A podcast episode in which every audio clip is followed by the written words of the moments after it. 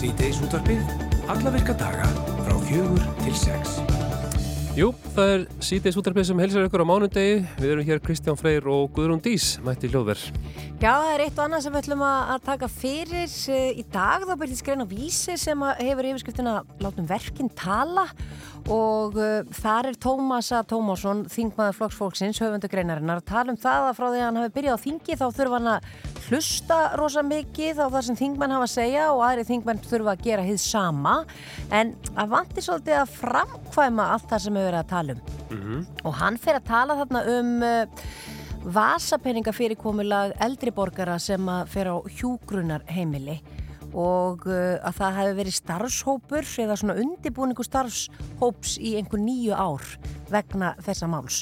Og við uh, ákvaðum að heyra í Helga Pjötursinni, hann er formaður landsambands eldri borgara og uh, fá hann til þess að fara aðeins yfir þetta vasapeninga fyrirkomulag með okkur og líka bara þennan málaflokk yfir höfuð, fara aðeins yfir þetta með okkur. Já, akkurat, það verður forðanett að heyra.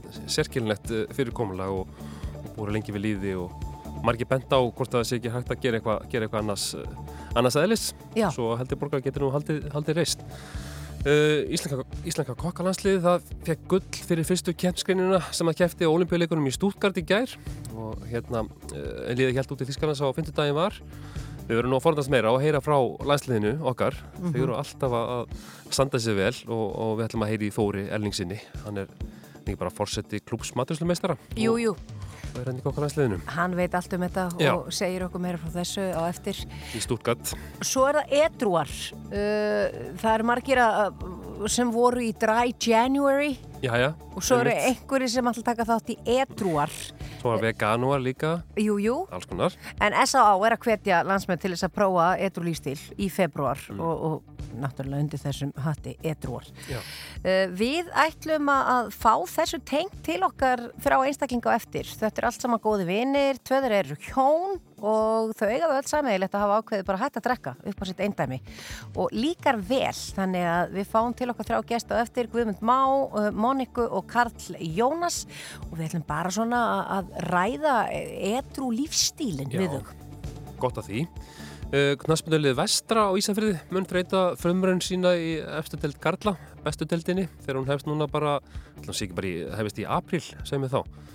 Vonandi verður ekki snjóra á öllum. En uh, uh, sko, Vestri gerði eitthvað skona samtalsamning við, við Ísafriða bæ og, og hérna svo að liði getur nú gert uh, æfti við vetramánuðina og, og, og að nýtt gerfigras kæmi á þeirra heimavöll og nú hafa bæjaröfuvöld hafnað ósk vestramannum að þeir annist vellasvæðið og, og ætlum að heyra í Samúel Samúlsinni, formanni meistararflokks Rás Vestra um þessa stöðu. Við ringjum vestur, allt í játnum fyrir vestanmaður. Heldur betur. Ha, svo ætlum við aðeins að dreipa á Grammy-velununum en við ætlum að byrja á uh, þessu í tilkynningu frá almannavörðum í morgun þá kom fram að uh, yfir þúsund manns getu heimsóttu heimili sín í Grindavík í dag til þess að vitja eigna sinna og verða um 400 bílar uh, í hverju tímahólfi svo hafum við líka fengið fréttir af því að kvikandi sassengi uh, sé, já, hvað hva sagði hann í fréttunum allavega þegar við skrifum þetta var hún 9 miljonir rúmetra Einmitt. og uh, það er nánast uh, að því sama magn og þegar að gaus 14. janúar uh, síðastliðin við erum komið með hann að Hjördísi Guðmundsdóttur samskiptastjóra hjá Almannavarndeldi Ríkislörglustjóra á línuna, kontir sæl og blessu Hjördís Sæl og blessu. Já, þú byrjar á að segja okkur kannski aðeins frá því hvernig gekk í gær. Uh, þá fóru nú, já, ansi margir til Grindavíkur og svo hvernig hefur gengið í dag? Jú, það er óvægt að segja að þetta gangi vel. Um, með allar þetta, aðstæðu sem við erum í og við, þetta heldur íbúið að blinda ykkur, þá var ákveðið þarna fyrir hvað, fjórum dögur síðan að reyna að koma öllum inn á sem skemmstum tíma og það hefur tekist, um, það er að segja að nú er klukkan fjögur og setna hollið góðum þrjú, uh, sem er þá fjórða tíma svona hólfi sem við gáfum. Uh, þannig að það gengur vel, en að Hjördís, Nú, Slitnað hjá okkur? það hefur eitthvað slitnað Við reynum bara aftur já, þetta það ekki. Jú, jú, jú, jú. En við, eins og hún saði, þú veist, þá væri það það bel 400 bílar sem að gætu farið uh, inn á svæðið í dag. Mm Kristján, hvernig gengur? Eru við að komast í samband við Hjördís aftur? Það prófa að ringja inn að hérna. Sjá.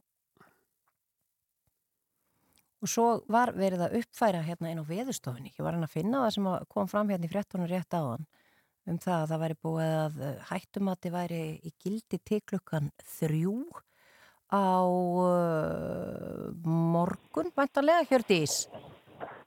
Slitnaði eitthvað hjá okkur Hjördís, afsakaði þetta. Sæl og blessu, ertu, uh, þú kannski ert í einhverju vondu sambandi, ertu í Grindavík eða ertu komin tilbaka? Ég er reyndar að keira frá Grindavík orðum og fór, fór með ferðum með fjall Grindavíkur. Já. Hjörn, það er greinlega lélætt símasamband þarna í kringu Grindavík. Við skulum bara setja á eitt lag, Kristján, Já. og svo skulum við freysta þess að heyra í henni aftur hér eftir uh, smástund. Pínu erfið samband þarna, en við reynum aftur.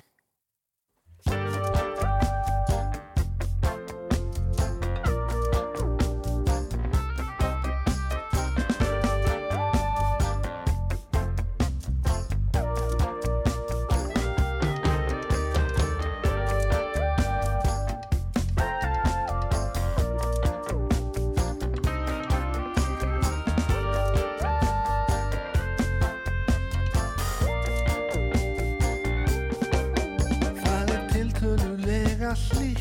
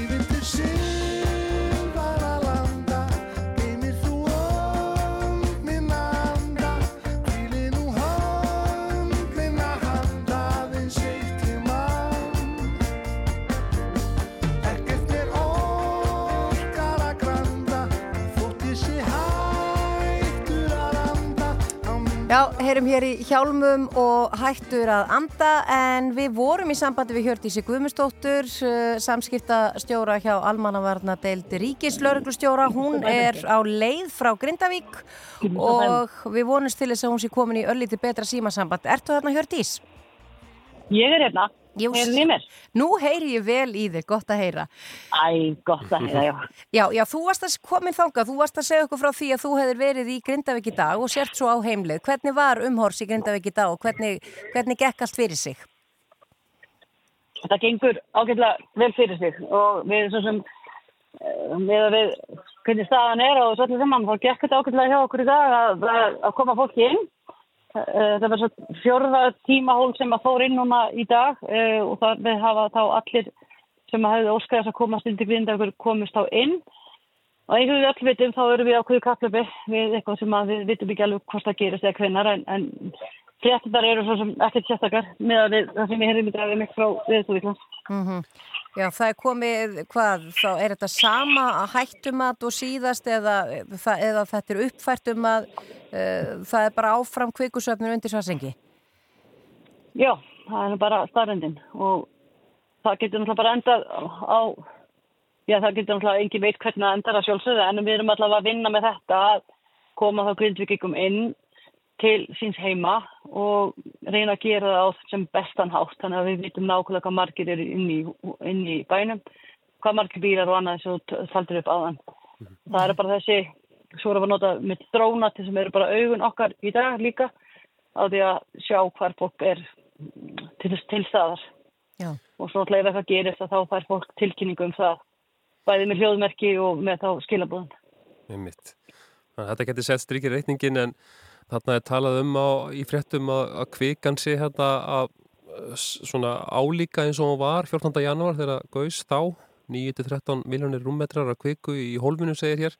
Eh, Það er talað um að þetta sé já, undir svartsengi. Er þetta bara sömu tíðindi og voru þá eða er þetta annar staður mögulega? Veistu eitthvað um það, Hjöldis?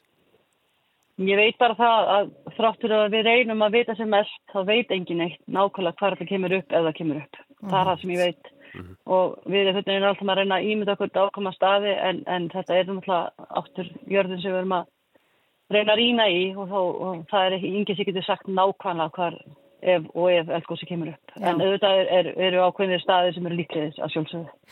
En hvernig er það, minna þessi dagur í dag þegar hann verður að enda komin og, og búið að, ég eins og þú sagðir, allir búinir að fá að fara að, að, að vitja heimilega sinna, verður hleyftin í bæin á morgun eða er, er verður gerð pása núna? Nei, við höldum áfram miklu lengi og, og bara þurfa þykir og, og kannski bara endalust, vonandi. Mm Eh, og vonandi þurfum við ekkert að tala um þetta svo, svo skrítið að maður heyri orðarlega að hleypa fólki inn heim til sín. Þetta er eitthvað svo Já. skrítar aðstæður og, og við, við lifum bara á einkennilum tímum. Það er ekkert að segja nætt annað þó það hljómi dramatist að segja það. En, en já, skipulega er þannig og planið er að halda áfram og, og fólk getur mitt nálgast núna hvernig planið er næstu daga á um heimasíðu almannavarna til dæmis. Þar er svona skipulega næstu daga hvernig fólk getur það haldið áfram að komast heim og annarkvort til þess að vitja egna eða flytja búslóðir eða, eða hvað það sem að fólk ætla sér að gera. Já. En auðvitað eru margir núna búnir að flytja það sem það að flytja og margir ætla heim tilbaka bara þegar það gerist en vita kannski að næstu mánuður er fólk ekki að fara að flytja heim og getur það allavega sótt það dót sem að það þarf. Já, veðrið er aðeins búið að setja strik í reikningin en, en er ekki ágætið spá næstu dag? Jú, hún er allavega fín eins og núna er ég hérna einhvers staðar á leiðinni heim frá Grindavík og það er mjög gott veður en þetta vindur og kallt. Já, En veðrið hefur verið- gott á þessum tveim dögum og að fagna, það var ekkert sérstatt síðustu daga. En þetta bara aftur, janúar og februar á Íslandi er eitthvað neina ekki sem við stýrum ekki veðrinu, síst alls konar hlutum en ekki veðrinu. Nei, Það verður eitthvað fínt núna. já, það er gott að heyra. En Hjördís Guðmundsdóttir, sankitastjóri hjá Almannavarnandeld Ríkislörglustjóra, takk fyrir að vera á línni hjá okkur. Takk sem leiðis. Fyrst og fremst Með þér á Rástfö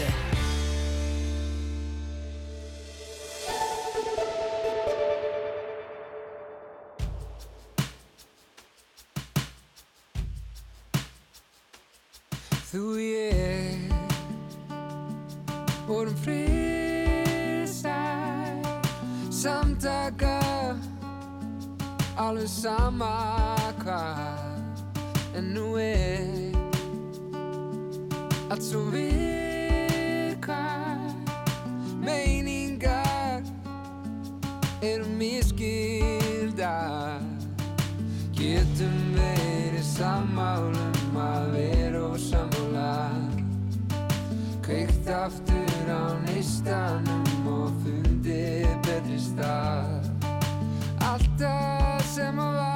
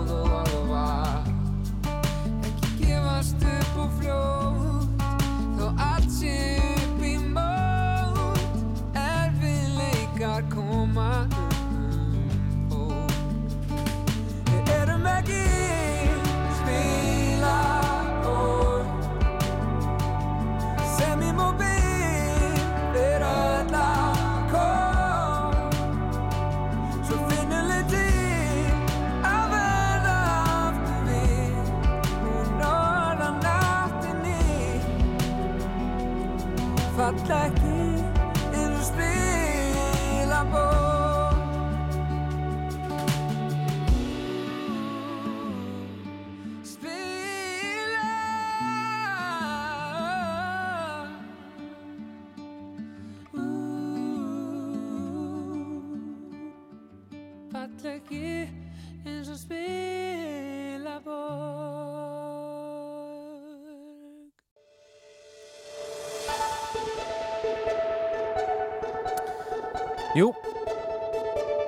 ætlum að halda áfram hérna í dag þá byrtist grein á vísi eh, sem að hefur yfirskriftina Látum verkinn tala og höfundur hennar er Tómas A. Tómasson, þingmaður flokksfólksins og uh, þar skrifar hann að sér að verið hugleikið frá því að hann byrjaði á þingi ára 2021 hversu mikið þingmenn eigi að tjási og hlusta á aðra þingmenn tjá sig á meðan að lítil áhersla sér lögð á að framkvæma þá hluti sem að endurist vera að tala um.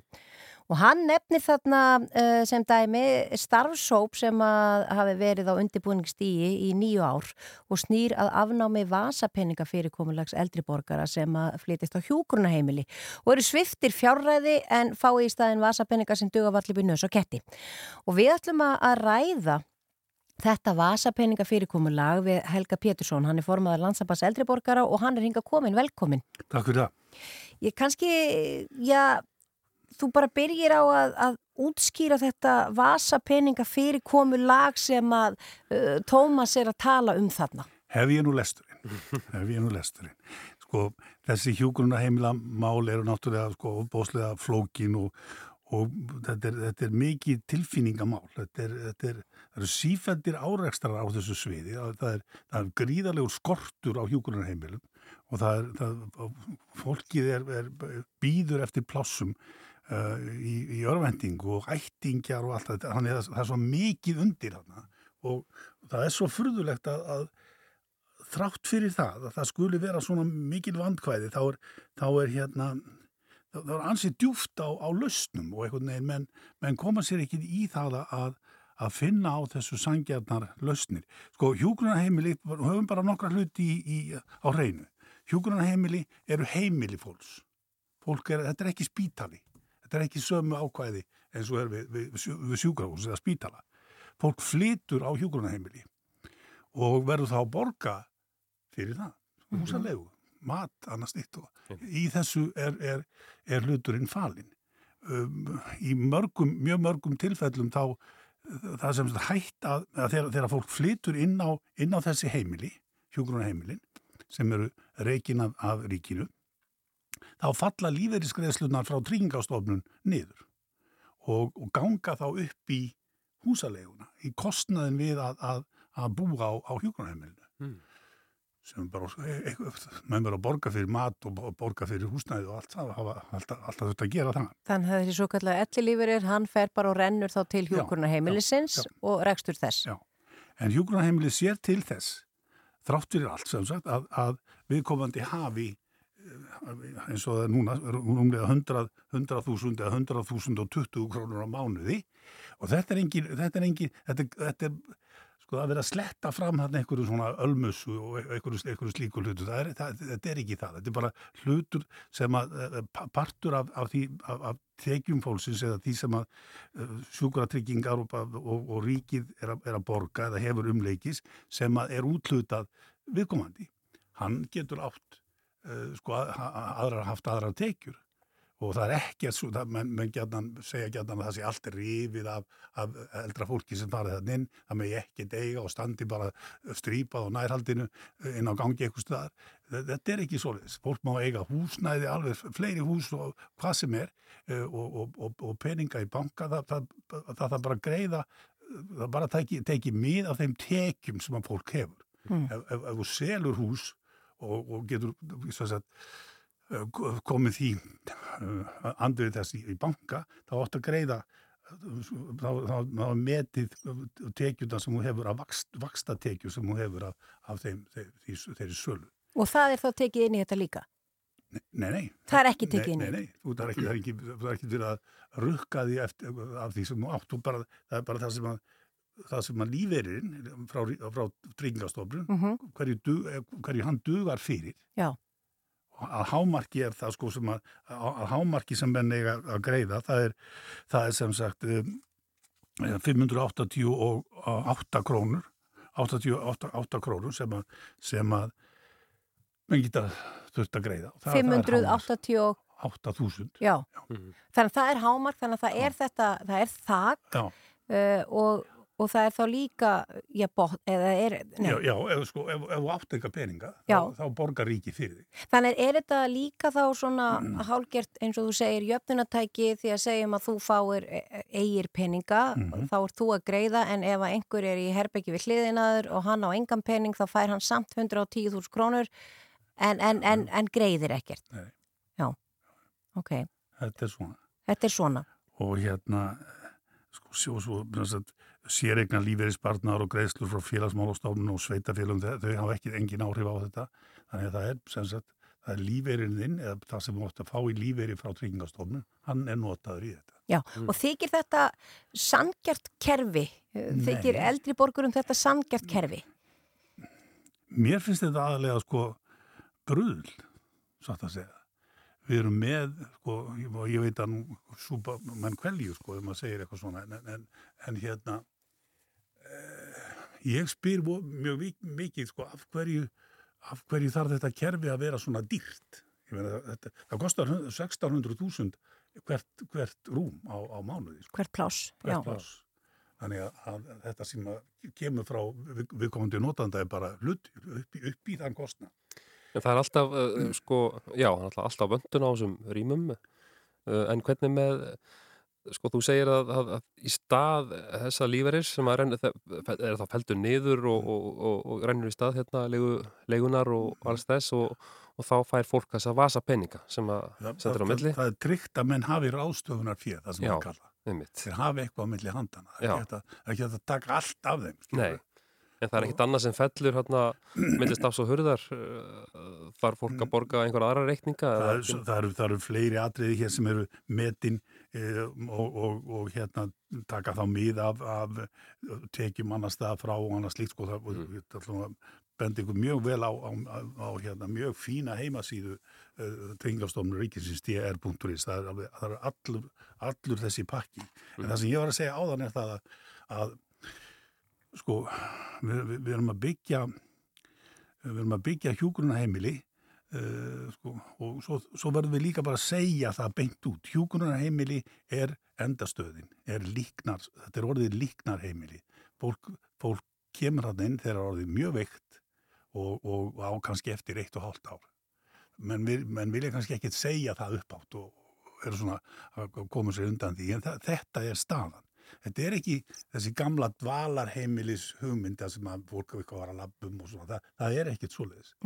Og, og hérna en, en hjúkunar heimilin eru sko þau sem hafa verið byggð á undarförnu eru rándýrar byggingar. Mér skilst að standi til að byggja hjúkunar heimili á Húsavík fyrir 5 miljardar sem stendur þar í einhverjum grunni að sem að búið, var búið að tekna eitthvað, eitthvað, eitthvað slíkt. Til hvers? Og, og hérna maður spyr, spyr sig er ekki að koma einhvern veginn að þessu með einfaldari og ódýrari hætti. Ég er ekki, það- ekki, alls ekki að fara að segja nú eitthvað að fara að taka niður þjónustuna við, við, við fullóttan fólki, alls ekki. En þetta er, það, það, er bísna mikið ílagt og ég held að þessi nefnd sem hefur verið nefnd, sem starfaði í einhver nýju ár, hún skilaði tillögum sem að hafa verið síðan svona í, á, á, á, á róli í kerfinu, menn vilja einfalda þetta mikið og menn spurja býtu, okkur þarf, okkur þarf ríkið að, að, að byggja einhverjar hallir utan um sko fárveikt fólk sem er á við döðan styr? Og ég er ekki enn einu sinni, þá er ég að segja það ekki við verðum bara að horfa á þetta eins og þetta er og, og geta horst í augu við hvað, hvaða, hvað, hver er vandi Já, þú ert að tala um þá um að það væri mögulega hægt að draga úr húsnæðiskostnaði og, og, en ekki taka neitt af þjónustunni. Nei, nei. Setja Alls- peningin frekar í alls það. Ekki, alls ekki. Já, en Alls aðeins varðandi þennan, af því að þú talar um þetta, þennan lífveri frá tryggingastofnum sem að, eh, er tekin eða fellur niður. E, e, veistu dæmi þess, er þetta ekki að koma ítla út til að mynda fyrir hjón ef að annað fer á á, á hjúkrunarheimili og uh, hittir mögulega já, bara úti í samfélaginu og þarf að leia sér húsnæði og annað því nú er kannski ekki jafn algengt og áður að, að eldra fólk eigi bara sitt húsnæði skuldlaust Já, já. bara út af því hvernig húsnæðismarkaðurinn er. Sko þannig bara, þú veist, hérna spurt einmitt, hvað gerist ef að maki hefur einni búsetu á dvalar og hjúgrunarheimili og þá er, da, þá er dvalarkostnaður þessum hófbúsetu og undan maka, hann gæti mögulega hækkað eitthvað Mhm. vegna breyttra útreikningsreglna, þetta er allt sem hann, svo er þetta allt persónu sko bundi við einstakling og þetta er svo misjant, það er ekki þetta að, að, að segja þetta að sé bara einhver lína yfir alla. Og, og ef, þá er þessi breytt, breytt, breytt útreikningsreglur þegar maki býr einni á dvalar og hjúgrunarheimili Já. og nú, þessi dvalarkostnaður er, er gerður upp þegar að staðfest skattaframtal líkur fyrir. Þannig að það er ímislegt svona sem að sem að kemur, kemur inn, í, inn í þetta. Já, það er ekkert eitthvað eitt yfir alla ganga. Nei. þetta bara er almáttuður Á. þetta er allt En hvernig, sko, að því að Tómas talar um uh, þennan starfsóp og undirbúinist í nýja ár sem að er náttúrulega bara sláandi langu tími. Hvers vegna telur að já, málefni þess að viðkoma hóp sem að dölur á, á hjúkunum sé bara ekki sett á ottin Já, ég, er þetta djókið mér, og sagt, ég, meira, ég, ég er hér að, að vinna að málefnum eldra fólks og búin að gera það í nokkur ár. Það hefur engin áhuga á þessu og allra síst alþingismenn. Það er bara svo leiðis. Og hérna, menn verða bara að, að, að, að býta í það súra efli.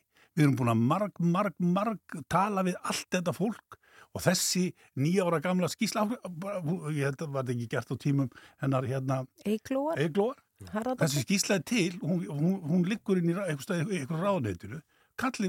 Tómas getur bara að kalla eftir henni. Sniðut fyrir að vakna hans upp og kalla á, hérna, á, á, eftir þessari skýrslu. En, en sko, það er fjölda mörg svona dæmi sem, sem að hérna lúta að, að umönnun og umsýslu og bara lífi og, og hvernig, því, hvernig eldra fólki eh, líður í þessu samfélagi sem er í miklu mólestri og bara við, eigum, við erum fyrst og fremst að eiga við þingið. Sko, krak, krak, fólki í þinginu á auðvitað að skipta sér að þessu máli. Við, við erum ekki að, það, það er þar sem að ábyrðin liggur, þau vilja bara hafa þetta svona, virðist vera. Ég get alveg bara slett í Já. ykkur er alveg sama þó að fólk sé sko hafi ekki til, eða sem sagt, að sé verið að tala um ykkur ölmus og annað slíkt hér fyrir, fyrir hérna fólk í, í hérna hjúgrunarheimilum en þið, þið gerir ekki í þessu Helgi uh, Pétursson, uh, formaður landsabars eldri borgara, takk fyrir að vera á línni hjá okkur og við vonum að þessu mál verið tekinn förstu tökum því öll verðu við eldri borgarar vonandi. Já, ég, ég held það. Maður er að reyna að segja þessu unga fólki það, sko, ég meina, ef þið gerir ekki eitthvað í þessu núna, þá verður þetta svona nákvæmlega þegar þið komið, komið það á þennan, þennan stað. Já. Það tekur mjög langan tíma, virðist vera, að breyta þessu. En nú ætlum ég að fara heim og leggja mig því ég er orðin bara, Þú eru þreyttur. Takk fyrir komuna. Takk fyrir komuna Helgi. takk. Fyrst og fremst Rástvö Þetta er Rástfö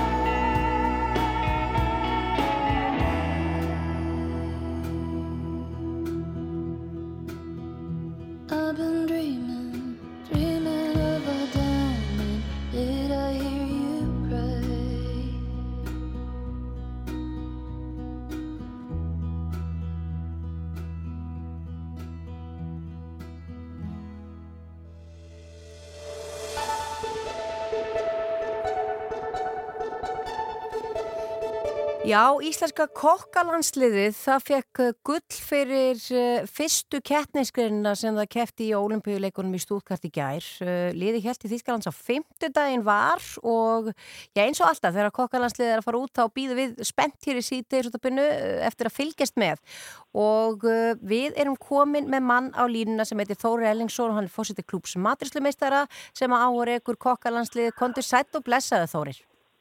Já, sælveri. Já, og til hamingi með gullið er ekki viðigandi að segja Já, það. Jú, það er bara frábært, takk fyrir það. Við erum ríkilega stolt að því að vera að koma með eitt gull, við höfum bara að segja eitt í viðbútt, eða kannski tvö. Já, já, Var já. þetta í sérstökum flokki eða hvernig var, hvaðan kom gullið? Já, í gerð voru að keppa í, í flokki sem kallast Chef's Table. Það er uh, 12 rétta matseðil fyrir, nei fyrir ekki, 11 rétta matseðil fyrir 12. Og, og fólkið okkar, landsliðið, það fór inn í keppni Seldúsi klukkan þrjú í gær og, stegi út úr til hún 11 í gerkvöldi. Já, og var það búið að undirbúa og græja og, og elda fyrir þessa 12 einstaklinga. Já, og stóðu þessu bara frábærlega þannig að þau náðu gulli. Við vitum ekki ennþá hversu hátt gullið er en, en fullt hús stiga í þessu eru 100 stig. Já, og þeir sem eru með 91 uh, til 100 þeir eru með gull fyrir já. En hvernig, síðan er Þórir, minna, 11 réttir, þetta er aldrei mikið. Já, já, það er rosalega gaman að setjast niður og borða 11 rétti þegar eru gerðir af eins fagmönnum eins og við höfum hérna í þessu lið. Já, Það, það er bara svo liðið, sko. En síðan eins og næstu kemnistáður er síðan á morgun og, og þá þar fer liðið nú inn í eldur sem miklu fyrir því að þá byrjaðu klukkan 11 og, og eru er í kemniseldur sem vantanlega til 11 annað kvöld og þá eru það að afgreða 110 manns í, í þryggjarétta stinnir mm og hvað, og, og við ætlum okkur náttúrulega gull þar líka. já, hvað ætli að bjóða upp á þar? Við erum með íslenskan þorski í forrétt og, og íslensk lambakjöld í aðrétt og, og síðan bara frábæran desertúr sem tengist Íslandi á öllu, öllu leiti og, og liðið hefur verið að unn- vinna með þetta svona bæði sérstaklega í sefstipl og í liðin okkar núna að fjallkonan er svona okkar fyrirmynd og, og við erum þá að vinna með skraut sem tengist uh, skrautinu á þjóðbúningnum og, og svona gerum þetta svolítið þjóðlegt. Mm Það er margir réttir hérna, ég sé að, að hérna, þetta eru vegan réttir og, og, og eftir þetta líka í þessu chef's table sem þau voruð að, að fá gull fyrir í gær og eru þau Já. að láta skýri líka og, og, og koma hráðin á flesti leiti hérna. Við, við, við, við öll hráfni komum við með það heimann. Mm. Við tökum allt með okkur út og þetta er heilmikið fyrirtæki að koma öllum þessum búnaði, bæði við búum til eldús hér á hótelinu sem við erum að gistum og, og þar búum við til undirbúningseldús. Við, erum með alls konar búna sem þurfum að taka með okkur inn í kemmiseldúsi. Ekki við svo stóru eldústæki, en ekki ískap og að frista eldunatæki. Heldur öll smá hold, þetta þurfum við alltaf að koma með sjálf. Þannig að þetta tekur á ymsum hliðum þegar við erum í þessum, þessum kemmisferli. En Þórir, ég meina það er ekki bara verið að dæma ykkur fyrir hvernig maturinn bragðast, það er líka verið að dæma ykkur fyrir það hvernig þið eruð í eldhúsinu við hvort annað og hvort það sé farið eftir reglum reglum þar og svo veitir til þess að þið þurfuð að vera með nákvæmt magna próteini og svo framvegis. Getur þú sagt okkur aðeins á þessu? Það er verið að dæma, eins og þú segir, miklu meira heldur en bara bræðið. Það er verið að dæma, náttúrulega bræð og útlít er stór hluti, en síðan er það bara þrif í eldhúsinu, það er hreinlæti og svona bara hvernig hugsar hver og einnum sem persónlega. Það var til dæmis sko, stórkoslegt að fylgjast með þeim í gæra að þegar þau komu út úr eldhúsinu, þá voru allir kokkajakkar hreinir. Einn ein hafði náða að skvetta aðeins á sig þarna einhvern veginn meðum degi en þá var náttúrulega var ég ekki með hann að skipti en það var bara eitt sem skipti um jakka og allir jakkar bara reynir eftir daginn og það er partur af þessu, þú ert að halda öllur reyn í kringu þig.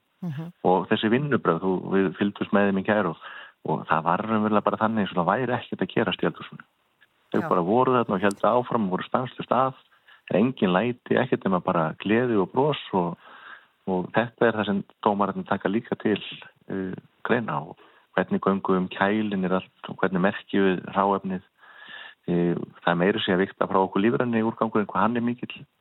Já. þannig að, að það velti fyrir sig hvort það sé mikið að plasti. Við fyrir hann að forast að við notum einnota plast. Þannig að það eru alls konar hluti sem koma inn í domgæsluna og þeim er alltaf að fjölga. Við þurfum til dæmis í þessu tilfelli að reikna út hvað við ætlum að nota mikið rafmagn í eldursunum Já. og gefa, gefa það upp fyrir keppnina. Þannig að það væri hægt að hafa þá hreinu hvernig við stæðum okkur í því í orku notkun Já. En ég, en meina þið eru búin að vera með þrótlausar æfingar, hversu margir tímar hafa verið í eldhúsinu bara hjá liðinu sem liði og svo öllum sem er að, vinna með þeim áður en þið farið á olimpíuleikana? við svona vorum að reyna að taka þetta saman einhvern tíman svona fyrir þessa keppni og hver landslismadur hefur væntalega verið að setja einhver stað nána til 700 klukkustundum í æfingar fyrir þetta mót. Já. Og það allt bara Ja, gert það- í það er ekki- frítíma? Allt gert í sjálfbúðaliða vinnu og frítíma og þau hafa raunverulega verið að æfa aðra hverja helgi byrjað á sunnudegi og, og verið að æfa í fjóra daga. Eh, Síðan eh, bara í byrjun september og frá byrjun april þá voru við byrjuð að fullu líka en síðan byrjað, byrjun september þá var þetta búið að vera svona. Já. Þannig að er þetta er gríðalegu tími sem fyrir þetta. Svakalegur. Sko, nú hefur maður heyrt af afregum kokkalandsleysins upp á bara síðustu árin og, og maður hugsa nú bara hversu mikil pressa er á ykkur og, og vonir og væntingar. Hvernig er með nýliðun? Er, er, hérna, er mikið um nýliða í landsliðinu? Já, já, það er með heilmikil liðlu, þetta er, þetta er mikil vinna og í liðinu núna eru þau þrjú sem voru í liðinu fyrir tveimur árum inn í, inn í það sem við kallum búrið og uh, þrýr nýlegar, eða fjóri nýlegar fyrir ekki og þannig að það er alltaf svona tveir, þrýr, fjórir úr síðasta liði og, og síðan kom einhverjir nýjir með. En, en þess maður geta líka að liðið okkar er það ungt, það við erum alltaf að spila svona til til að ungum leikmunum en maður orða það þannig. Og við gætum, ég er rúmlega helminguna liðinu gæti verið að keppa í svo verið junior keppni hér er líka keppt, það er ekki bara keppt í, í svona senior lið, aðaliðinu heldur það er keppt í junior keppni og það er líka keppt í keppni sem kallast community catering sem er svona já, bara mötuneytiskeppni. Þannig að hér eru svona þrjár stóra liðakeppnir í gangi pluss alveg fullt af einstaklingskeppnum. Hér er keppt í alls konar græmitiskurði og, og styrtugerð og ég veit ekki hvað og hvað. En þú talaður um að þið ætlaði að taka tvö gull í viðbót. Hvenar reikniði með að landa þeim? Við ætlum að landa fyrragullinu á, á morgun, þá verðum við í 110 og síðan þegar við erum búin að landa teimingullin þá verður aðal velunafetningin á uh, miðugudaginn þar sem við fáum raunverulega úr samanlöfu úr þessum teimildögum og við stefnum bara hátt og ætlum okkur gull. Já. Við höfum aldrei komið með gull til Íslands en við komum með brons fyrir þreymur árum og við trúum því bara að við séum á þeim stað að við getum verið þar. En það er svo sem gaman að kíkja á töfluna núna þar sem allir er þeir sem búið að gefa út öll silfur og gull og brons og allt það sem er í gangi. Að Norrlanda þjóðunar það er standa mjög framalega og alla Norrlanda þjóðunar er nú bara að keppa einu sinni og það eru alla með gull í öllu sem þeir hafa gerst. En mjög fáar aðra þjóður með uh, þar á meðal.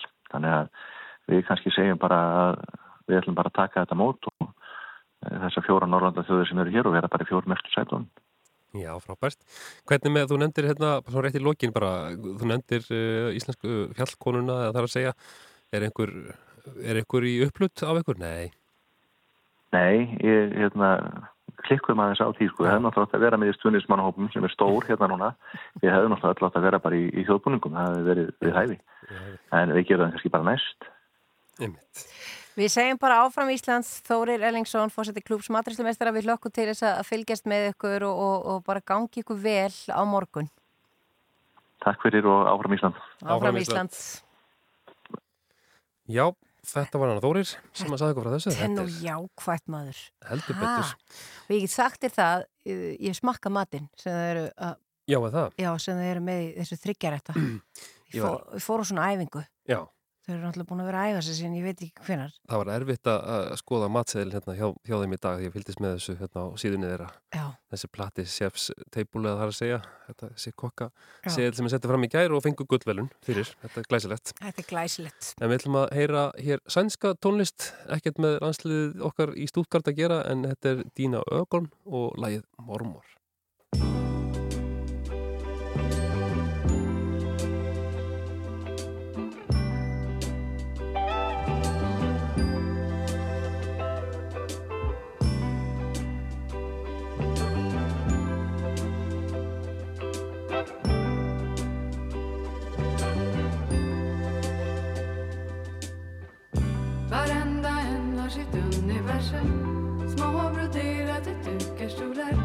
En känsla av vem som är auktoritär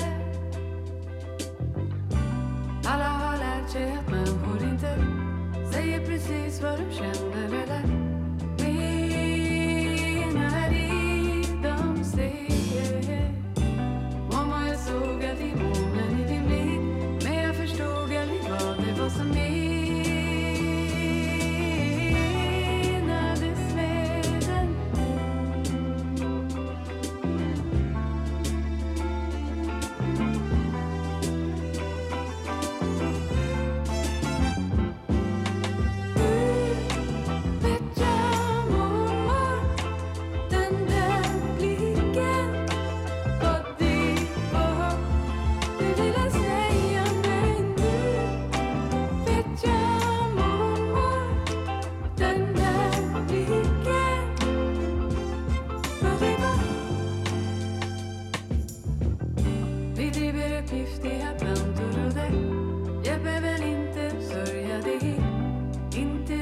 me the body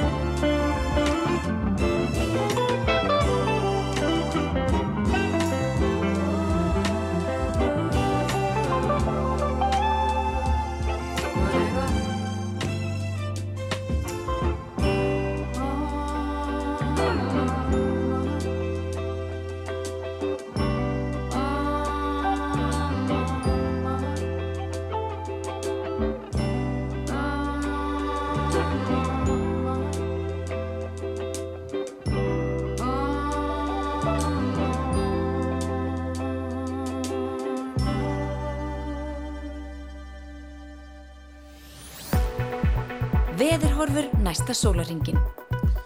Jú, við ætlum aðeins að kíkja á viðspána uh, hvernig þetta lítur út næsta sólarhingin.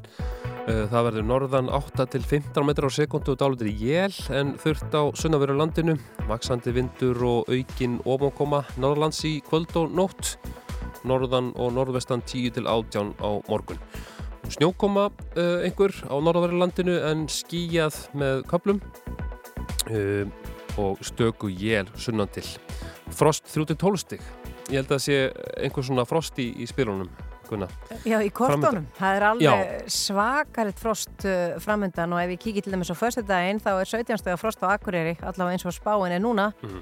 og 10 steg frost á Egilstöðum og 12 steg frost hérna í, Reykjavík, svo eitthvað sem nefnt, þannig að það er kallt, uh, kortin eru blá en það er þó ekki mikill jæljagangur sem er uh, jákvætt. Það er jákvæmt, það er svona bjart, bjart Já, en, en það styttist í fréttir og tilkynningar hjá okkur klukkan 5 hér í síðdegisutubunni svo ætlum við að halda áfram. Og það er eitt og annað sem við möttum að taka fyrir. Við ætlum að ringja vestur út af vestra All heldur betur, er mitt. það er eitthvað í gangi þar hjá vestra og Ísafjörðabæ Já, já. og við ætlum aðeins að gera líka upp grammi velina hátíðina hérna áður en þátturinn er allur Einmitt. og uh, svo er edruar núna, Mhm. februar er edruar uh, S.A.A. var að hvetja landsmenn til þess að prófa að vera edru í, þennan mánuð og þessu tengt þá ætlum við að fá til okkar þrjá einstaklinga á eftir sem að eru edru, bara upp á sitt eindæmi Það segja frostinir reynslu. já, bara, þú veist, bara vera svona kannski smá peppara fyrir það sem eru heitir fyrir að prófa þetta Einmitt. En fram að því skulum við heyra aðeins í Oasis. I don't really wanna know how you got and grows. Cause I just wanna fly. Lately, did you ever feel the pain in the morning rain as it soaks you to the bone? Well, maybe I just wanna fly, wanna live but don't wanna die. Maybe I just wanna breathe.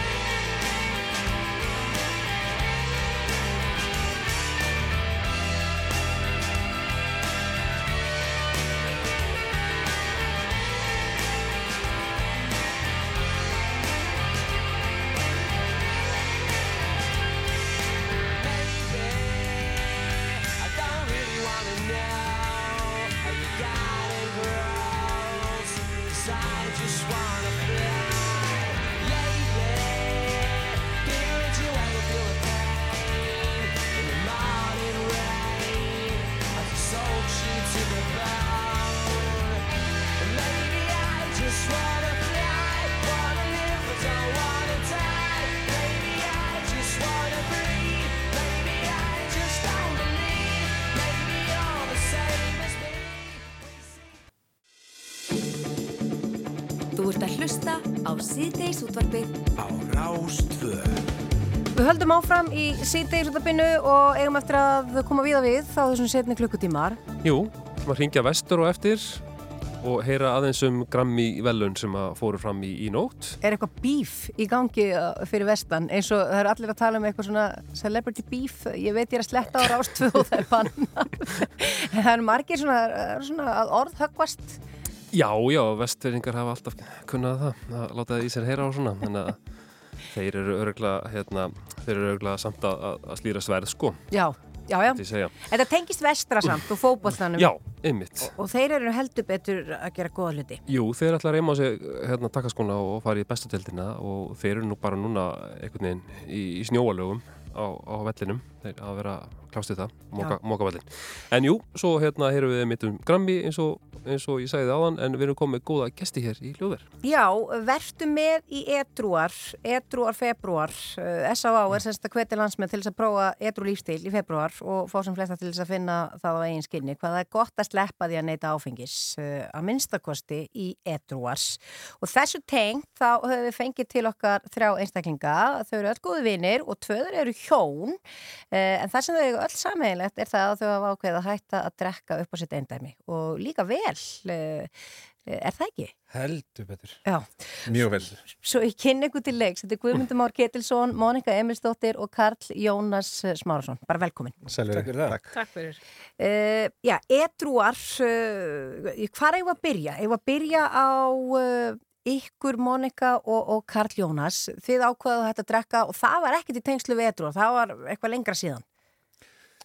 Já, í raun og veru, en sko, hvað, 22, 2022, þá ákvaða nú samt svona eiginlega að taka þátt í eitthvað þá, Mm náðum februar, mars svona, Já, svona inn í mars. inn í mars. Já. Já, tóku smá, smá slurk, Já, eins og maður myndi segja. að kynast þess aðeins. Já, og bara ykkur líkaði vel þá, líka vantarlega. Já, já, algjörlega. Kunnum vel að mynda. Já.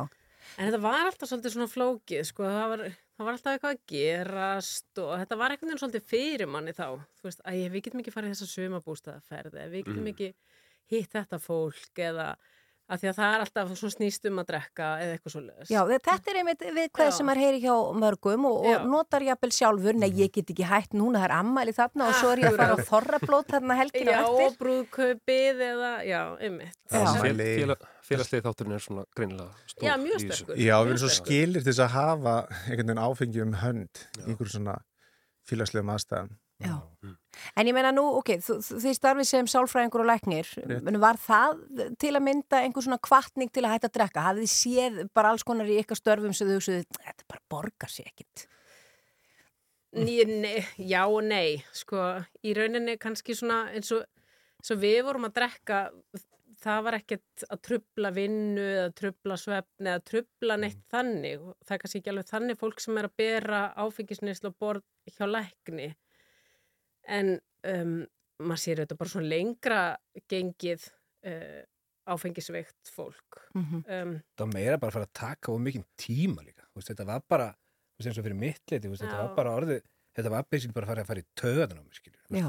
maður var að fara að hitta félagarna að horfa á fótbolta, þú veist, það var bjór Þú veist, það var Já. einhvern veginn bara það þurfti alltaf að vera bjór allstað, alltaf Þetta, er- þetta er voðalega svona, já, já, eins og, eins og einn vinnu minn sagði eins og við, við mig að það að drekka bjór eða áfengi er bara ávanni.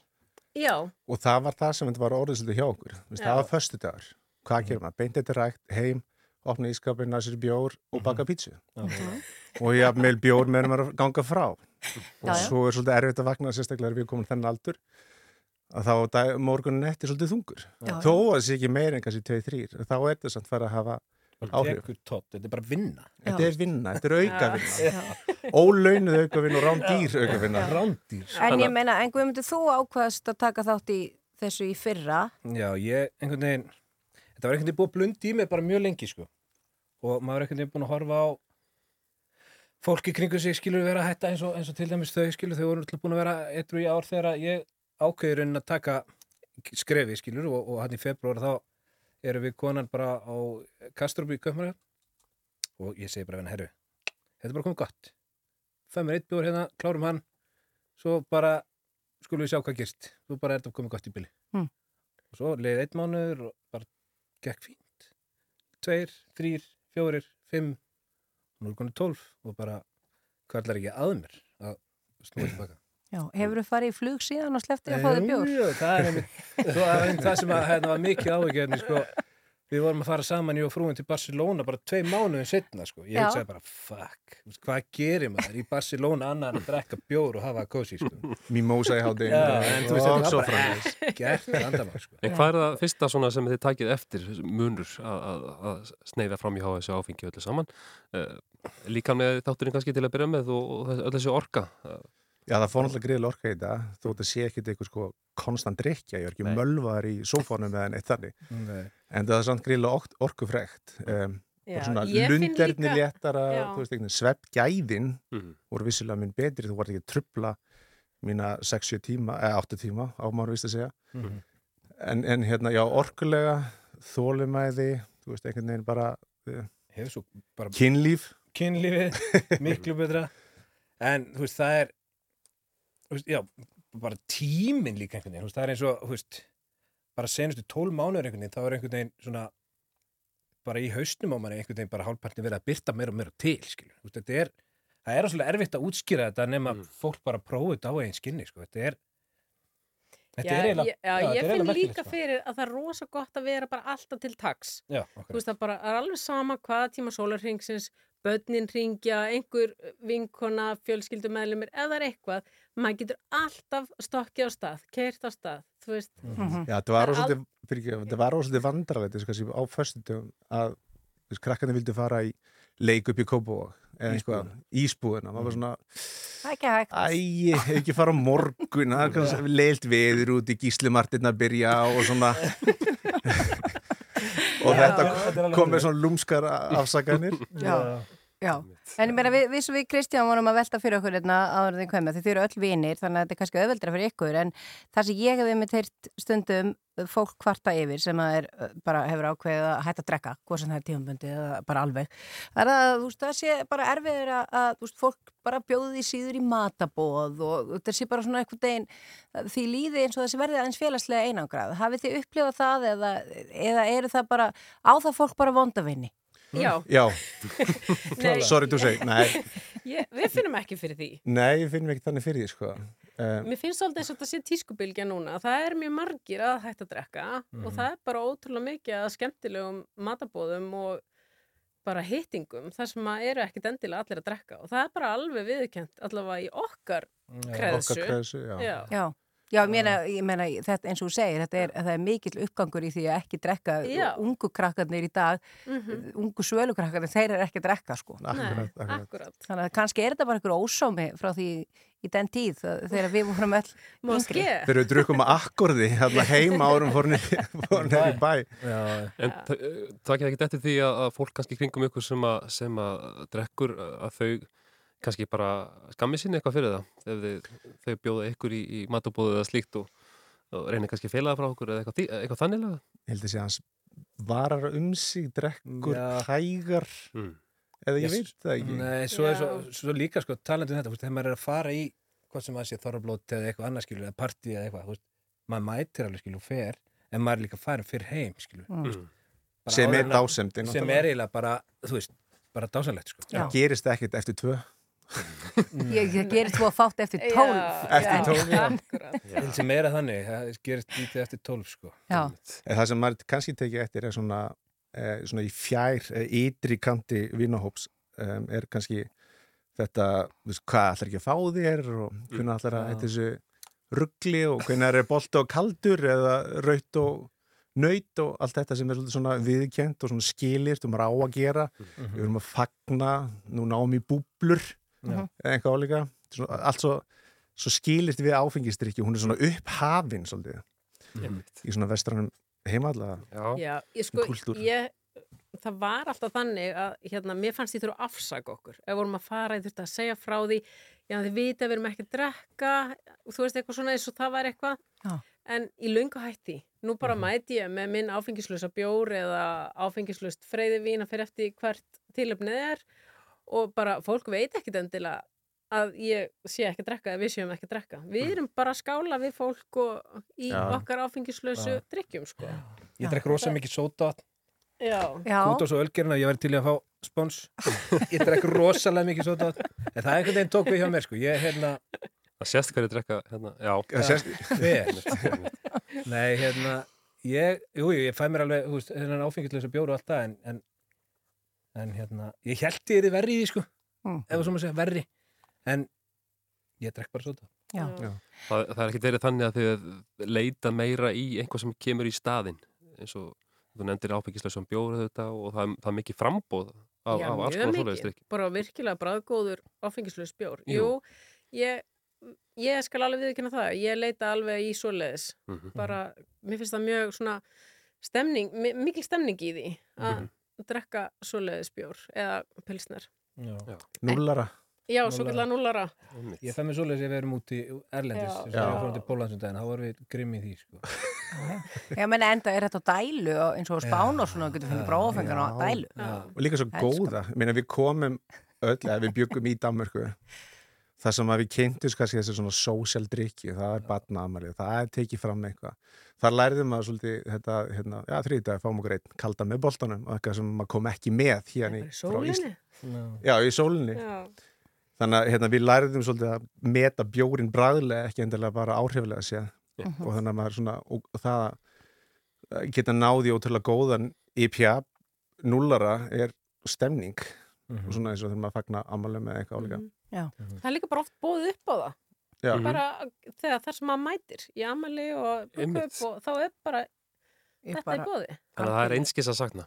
Nei, alls það er einskis að sakna Já, þannig að þið eru, við eins og við sögðum, við, við Kristján töluðum að hann að þið ætlaðu að koma og peppa þá sem að myndi vilja prófa edruar, bara hvetja til. Bara ekki spurning. ekki spurning, bara láta reyna á þetta finna svo líðan í einhvern lók veginn mánuðar ekki- Það er ekki saman að, lýsa þessu nema fólk prófa þetta á einskinni. Það er bara, svolítið. Og það er allt í lagi þó að sleppi næstu helgi veist það kemur nýr kaffibolli þó að sleppi þessu, Og þið geti farið í brúkup. þið getið það í brúk, akkurat. Já, Herru, þetta er frábært og ég bara, að því ég tengslu með þetta, þá er alls konar fræslumælar og, nei, mólar og annað inn á samfélagsmiðlum uh, í tengslum við þennan edruar og þetta er allt saman S.O.A. með það allt saman og svoleiðis þannig að bara takk fyrir að koma og peppa landan og þá sem að vilja vera aðeins heilsusamleri í, í februar Takk uh, Guðmundur Már, uh, Mónika og Karl Jónas. Og bara gangi ykkur vel. Kæra Takk þakkir fyrir. og gangi ykkur vel með eitthvað Takk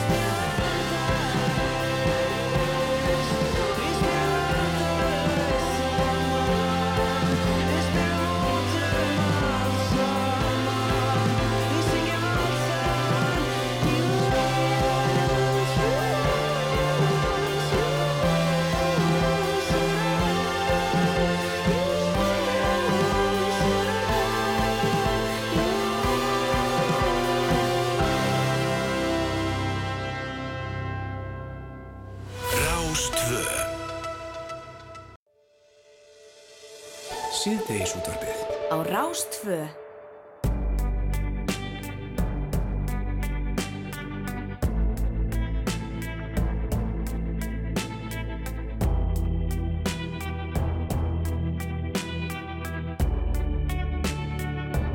And you got me like girl What you want from me What you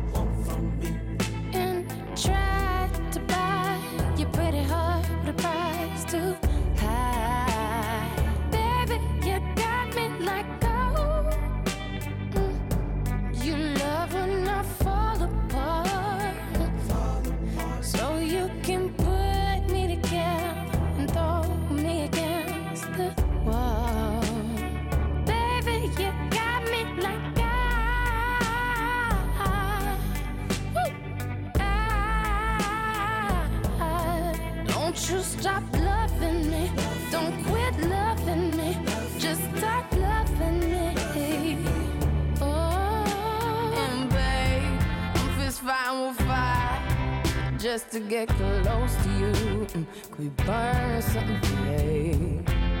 And I'll run for miles just to get a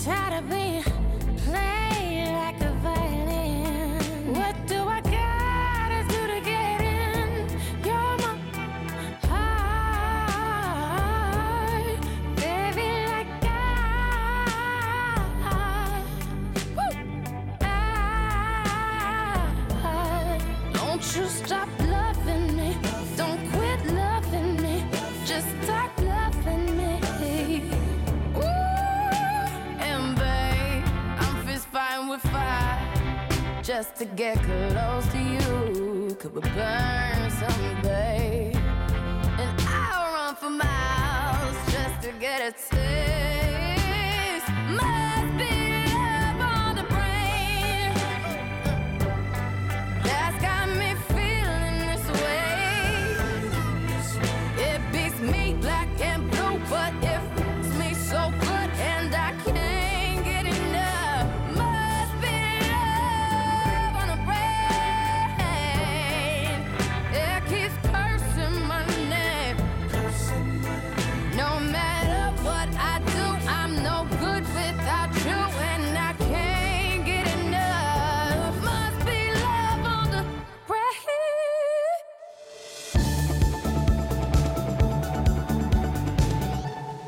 Jú, þarna heyrðum við í, í Ríhönnu, sem maður segir, Ríhanna, með lagið Love on the Brain.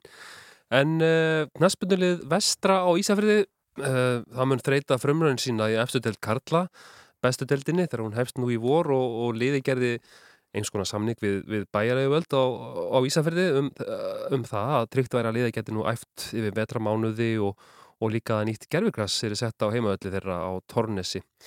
Nú var greinum það sem sagt að, um, að bæjaröföld hafi hafnað uh, ósk vestramanna að uh, annast vallasvæði að þeir myndi gera það og, og við ætlum að já, við erum komið með Samuel Samuelsson sem er formaður mestralfóksur ás vestra. Uh, Sæl Samuel?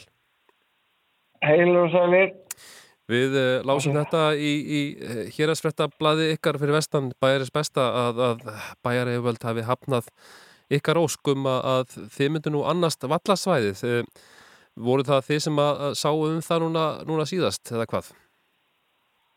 Já, við höfum séð um það ekki þrjú ár og gengi bara ótrúlega vel okkar hálfu.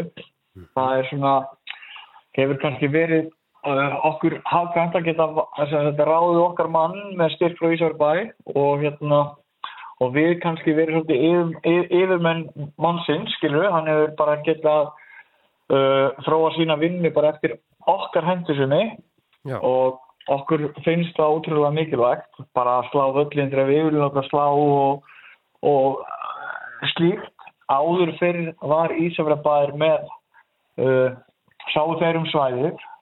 Og það var ekki eins góð þjónusta á þegar við sáum sjálfur um svæðið þannig að við teljum þetta já, mikla afturför að, að Ísafjörðabæður ætla ekki að endur nýja þannig samning við okkur og, og taka yfir þetta sjálfur það er alveg klárt mál vegna þess að nú eru uh, kefnistíðanbilið hjá meistarflokki kalla, það er að vera lengra það er búið að bæta við meistarflokki kvenna og svo eru náttúrulega með alla yngri flokka.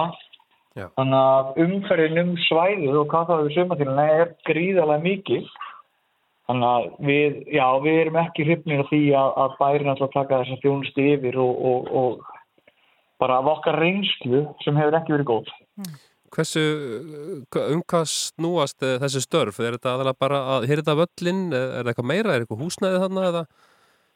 sem er Já, það er náttúrulega það er náttúrulega vallarhúsið á, á, á Tornesi sem er náttúrulega bara búnisastað fyrir yrkendur Mm. Og við erum svo sem séðum já, húsið og, og völlin er bara vallarsvæði en, en bærin vill, vill taka þetta yfir aftur og, og það er það sem við erum pínu já, óhressir með En hvaða skýringu, gefur, hvaða skýringu gefur bærin á því? Er það hagkvæmara fyrir hann að taka þetta yfir eða, eða hver er ástæðan? Í, já, þeir vilja meina það að hérna, þetta sé, geti, þetta sé einhverja tvær miljónir sem þau spari á þessu.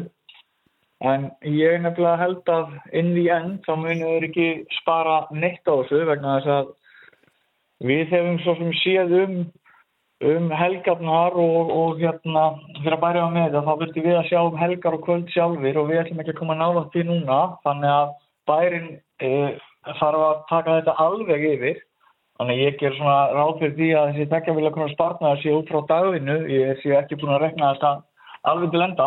Vegna þess að þjónustan er náttúrulega gríðalega mikil. Allir kappleikir, að flestir kappleikir fara fram á kvöldinu um helgar en ekki á virkun dögur frá 9-4 sko.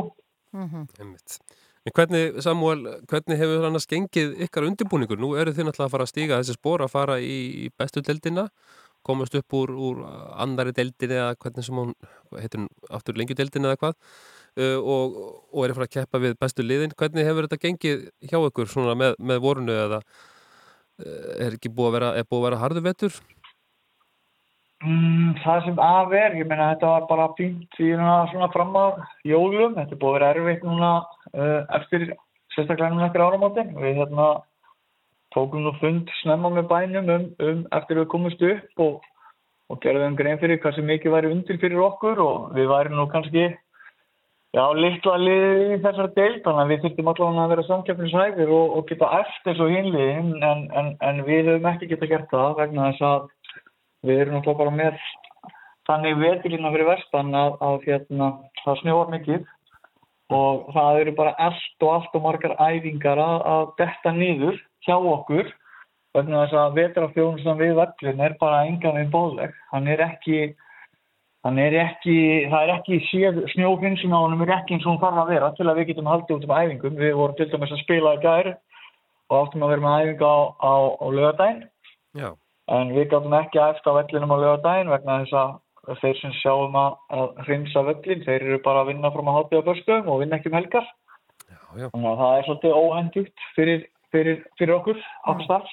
En hvernig mun þetta vera og hvernig, hvernig, að því að núna eru þið að fara, eins og Kristján sagði, þeir að fara í bestudildina, keppa við lið sem að eru, já, að stórun hluta hérna á Suðvesturhóttninu, þeir eru vantarlega að fara eitthvað Akureyra líka og, og svo framvegis, en þið þurfa að taka okkur löng hverðalög og, og, og hvernig er með fjármögnun og svona, fyrir, já, svona lítið lið eins og ykkur, eh, lítið innan gæsalappa, en allavega þið kannski búið ekki svo vel að, að vera bara að ferðast á milli hverfa líku við.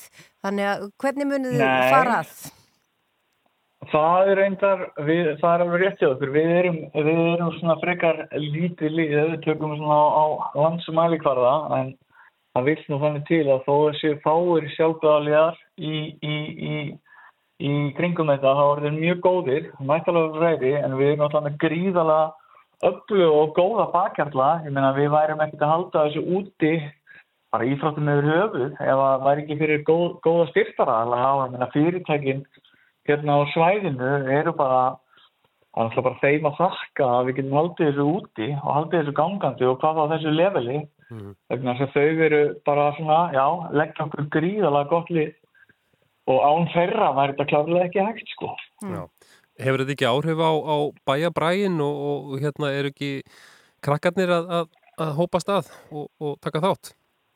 Jú, klárlega, ég meina það hefur alltaf verið mikil uh, fótballst á menning hérna fyrir vestan og, og eins og segi, hún hefur bara aukist með velgengni uh, meistarflokksins og, og ábarættir aukast og ég meina ég held að svona flestir sem hafa áhuga á fótballta geti hreinlega bara ekki beðið eftir sumrinu og, og, það er náttúrulega búið að gera vel og koma þessu liðu upp. Í deilgara bestu í fyrsta skipti og það er mikil tillökun en, en auðvitað er það leiðilegt að hérna, við þurfum að standa í, í stappi við Ísafjörðabæjum einhvern svona sem að kalla bara tittlingaskýt mann finnst þetta bara það getur vel verið að sé bara ég en, en mér finnst bara að, að þú veist, af því að við erum búin að leggja til leiðir og það er ekki eins og þetta sé eitthvað miklu dýrari fyrir bæinn og að vinna þetta með okkur en þeir vilja, já, ég veist alltaf fara ykkur alltaf aðra leiðir heldur en við og svona finna vilt út og setja út á það sem við viljum en vilja gera eitthvað annað ég veit ekki af hverju það er en, en það er, mann skilja það bara allt og mikið og það bara drefur úr manni allan þann kraft sem að maður vil, nú frekar setja bara í fótboltan heldur en að þurfa að stenda ykkur starti við bæinn, sko. Já. En sami, hvernig, uh, nú heyrðum við að því að, að þið ætlið að, að setja upp gerfigrasi það ekki á völlin ykkar og, og voru með hérna, þau plön með, með bæjarauðvöldum, hvernig standa þau mál? Uh, er það, uh, er það ráðlagt? Nei, er það, hérna, verður það gert núna með vorunu áður en að þið byrjið, byrjið mótið? Já, sko, það var, það var náttúrulega skipt um, það var náttúrulega ónýtt gerfigras hérna og það var sett nýtt gerfigras yfir sem sagt æfingasvæðið og við áttum svo sem að, að geta spila þar í vetur, fengum nú og fyrstu heimaleikjum okkar útlitað í, í lengjubikardum bara í mörg, mörg ár og vorum svona vonast eftir að geta spila þessa leiki hérna heima. Við hefum að mæta F á fyrsta leiknum á 17. februar Já. og því við erum yfir þá er sávöldur ekki ennþá orðin klár vegna það vantar mark og það er ekki línur á vellinum þannig að það gerur okkur svolítið erfitt fyrir þannig að það lítur allt út fyrir það á þessu tímapunkti að allavega þessi fyrstu leikur að við þurfum að færa hann annað Já. en varðandi kjappisvöldun okkar þá eru, jú, búin að vera framkvæmdi þar en, en, en það, er, það er ennþá langt í land Já. en við eigum að spila fyrsta leik heimaleik 20. apríl og það er svolítið kannski bara bærin sem verður að svara því hvort að, að framkvæmdir, hvernig þær munu ganga og hvort að þeir sjá fram á það að við getum spilað heimaleikin okkar 20. apríl þegar káða ákom í heimsókn en, en, en erfitt fyrir okkur sem að kannski sem við vitum ekki alveg nákvæmlega hvað, hvað á eftir að vinna. Við hefum náttúrulega verið að setja press á bænum að setja hýtalagnir í fotballtöðlinn sem er bara uh, á all flestum stöðum og, og, og, og við teljum bara nöðsynlegt en, en það er svo sem hefur ekki ekki búið að taka neina endalega ákvörðun um það þannig að Já. það er svolítið bara stopp núna í, í aðavellinum og, og kannski náttúrulega er bara mikill snjór og, og gerir mönnum erfið fyrir Jú, Samuel, hérna, þetta, er, þetta verður spennandi að fylgjast með ykkur bara og vonandi gengur þetta allt vel með vorunu og, og, og, og vonandi að, að fara að leta á snjónum og öðru slíkum e, með hækandi sól og við, það verður gaman að fylgjast með ykkur í, í bestu deldinni og við segjum bara gangi ykkur vel með allt saman. Herðu, ba bara takk hella fyrir. Takk. Já, þetta sagði hann sami á Ísafjörði og það haldi sér bara tilvalið að spila uh, sveitunga hans Samuels uh, eh, Árníu Margreti sem að syngur með áskýrið trösta lægið Part of Me.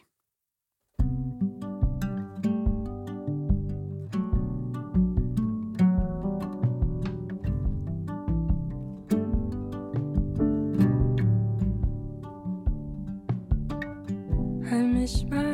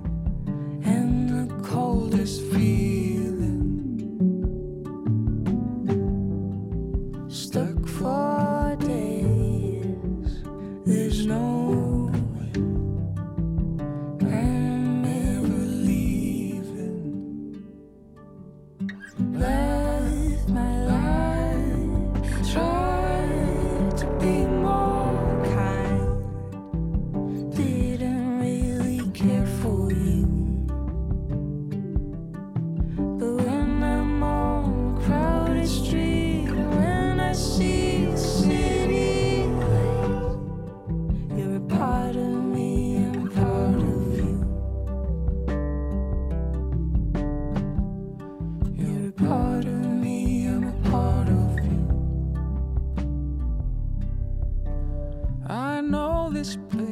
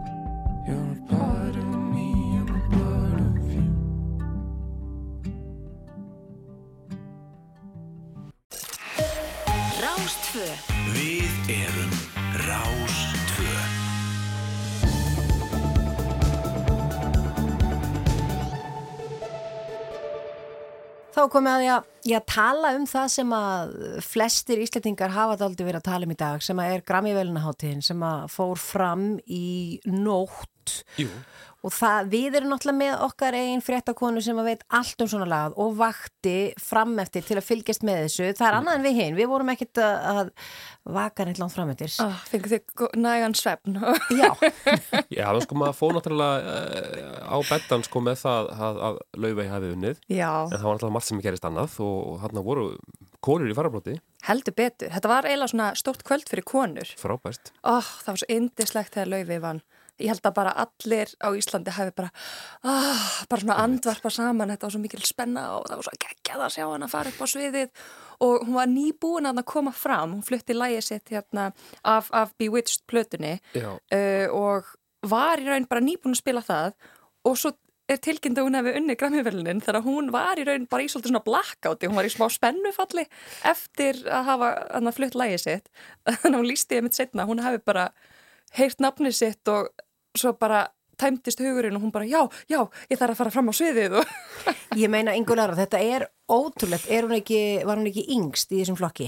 Jú, jú, jú, langingst og ná mótið hérna Bruce Springsteen og, og Pentatonix og svo var einhver Sondheim uh, svona sýningar sem voru líka tilhemdar í sama flokki Mhm. sem Var eru hann í sama flokki nöfn. Bruce Springsteen? Sama flokki og brúsarinn Pældi því Ég, sko, stjórin. Hva, hva, hvernig á maður að haga sér þegar maður vinnur stjóran í einhverjum mennumflokki? Þetta er ótrúlegt þetta er algjörlega magnað uh, hjá henni og, hérna, og þetta er flokkur sem að Frank Sinatra og einhverju fleiri, Tony Bennett hafa unnið, flokkur sem að Mm. kom út 92, uh, las ég einhver staðar í morgun en hérna, svo kemur þetta ungstyrni, það Já. hefur engi verið yngri sem að hefur unnið til verðuna í þessum flokki. Það var einmitt svolítið áhvert eitt kynnir sem að kynntan á svið þegar hún var að syngja lægi sitt, orðaði þetta svo fallega, sagði hérna, hún er að gera það gamla að hinnu nýja og ég bara já, það er nákvæmlega það sem Laufey gerir. Mhm. Hún er mitt þetta sem þessi flokkur er mitt byrjaði svona þannig að hún er að taka þetta sem að var kannski ekkert sérlega vinsel tónlist já, síðasta áratug, held ég við getum alveg fullirt, hún er núna bara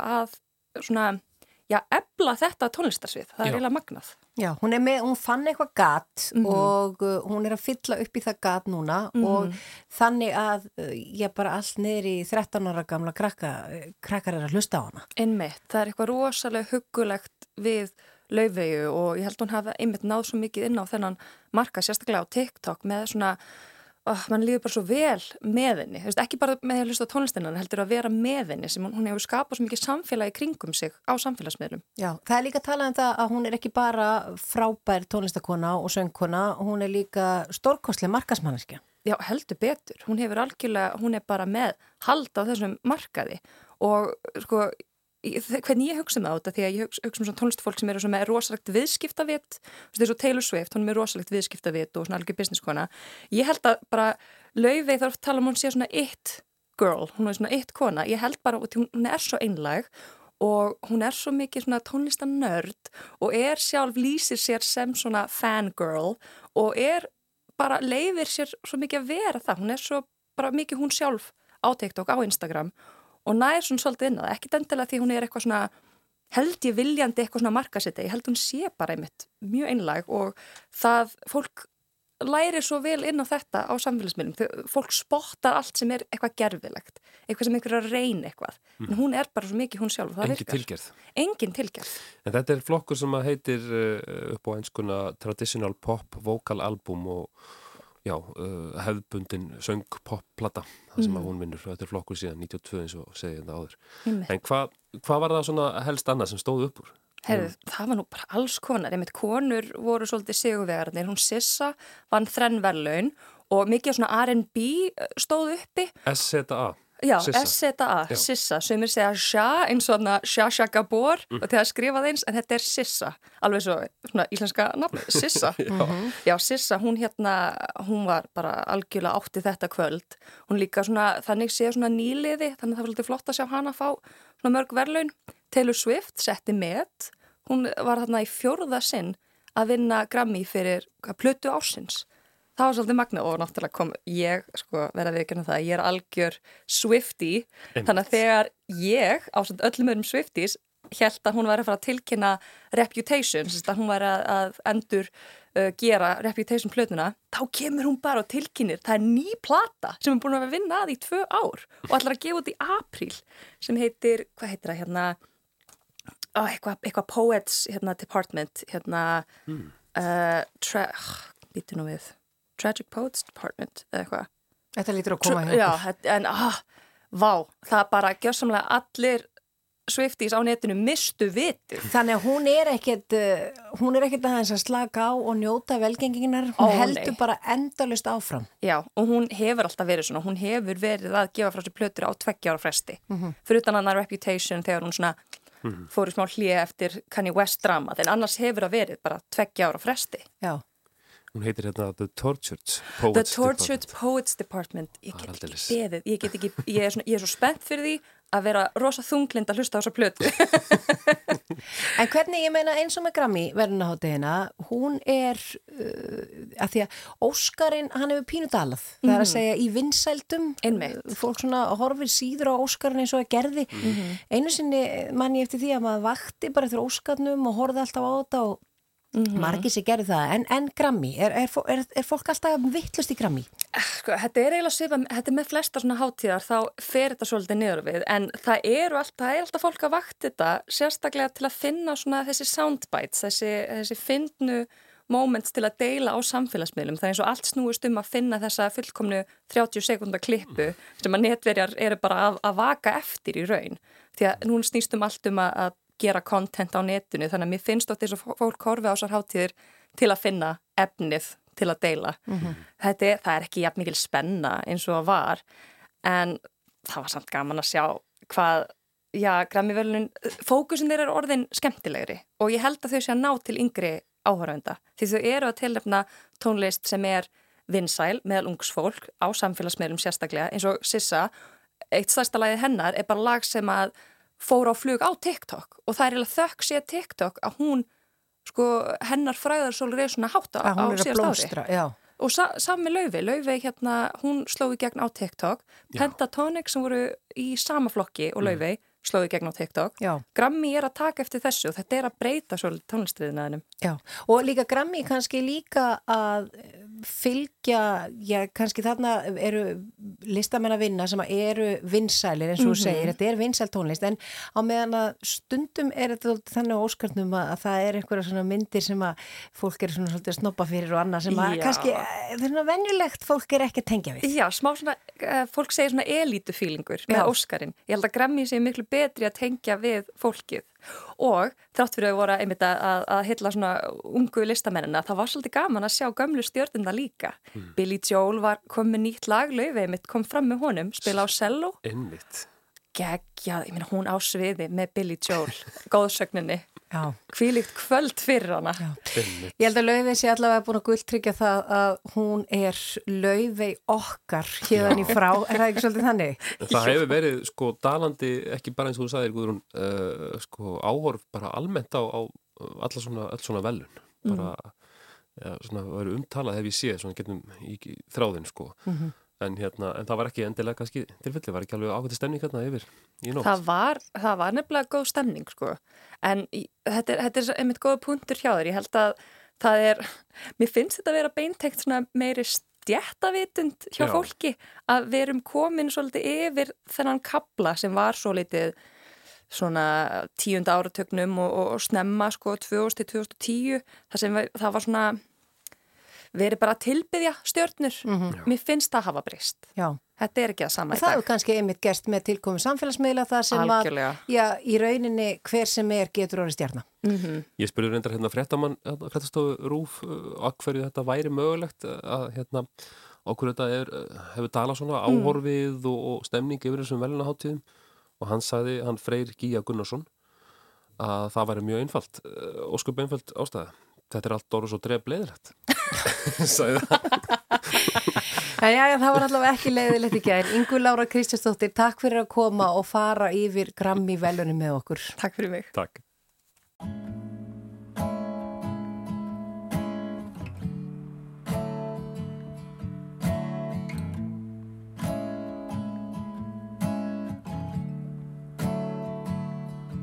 Þegar ég sá þig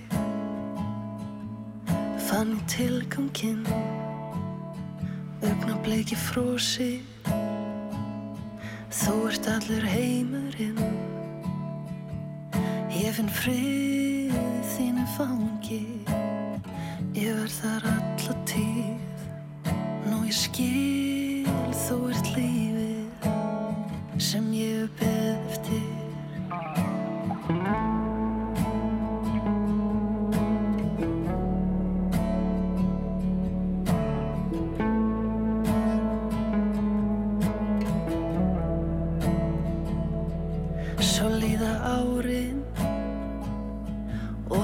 fetar veginn þinn. Ég skal þeirra tárin vera klætt til að styðjast við. Ég vona sólinn skíni á þig. Hvert skrifa leiðinni? Þú veitir að það dimmir alltaf áður En það byrstir til Frá morgni dags til sólalags Oh.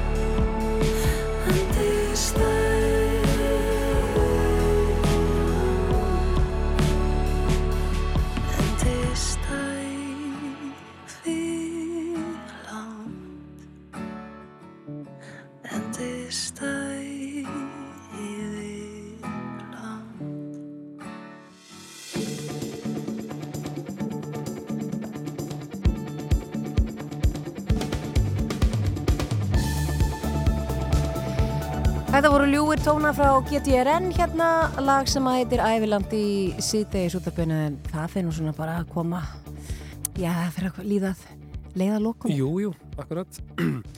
og eins og áður, þá höfum við komið víða við.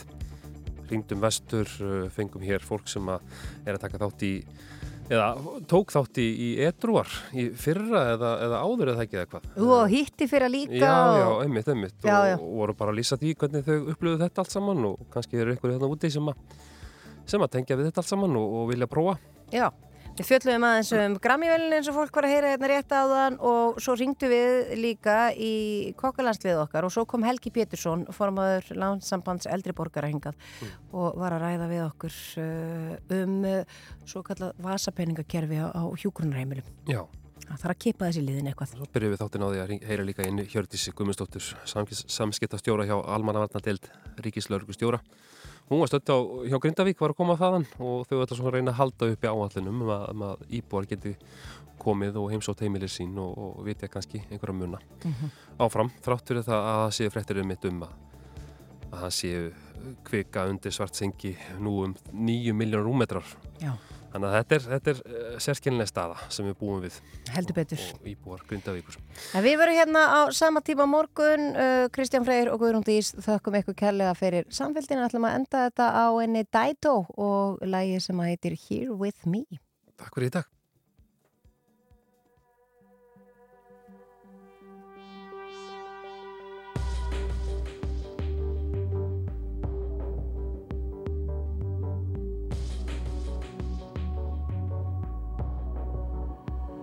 I didn't hear you leave. I wonder how am I still here? And I don't wanna move a thing. It might change my memory.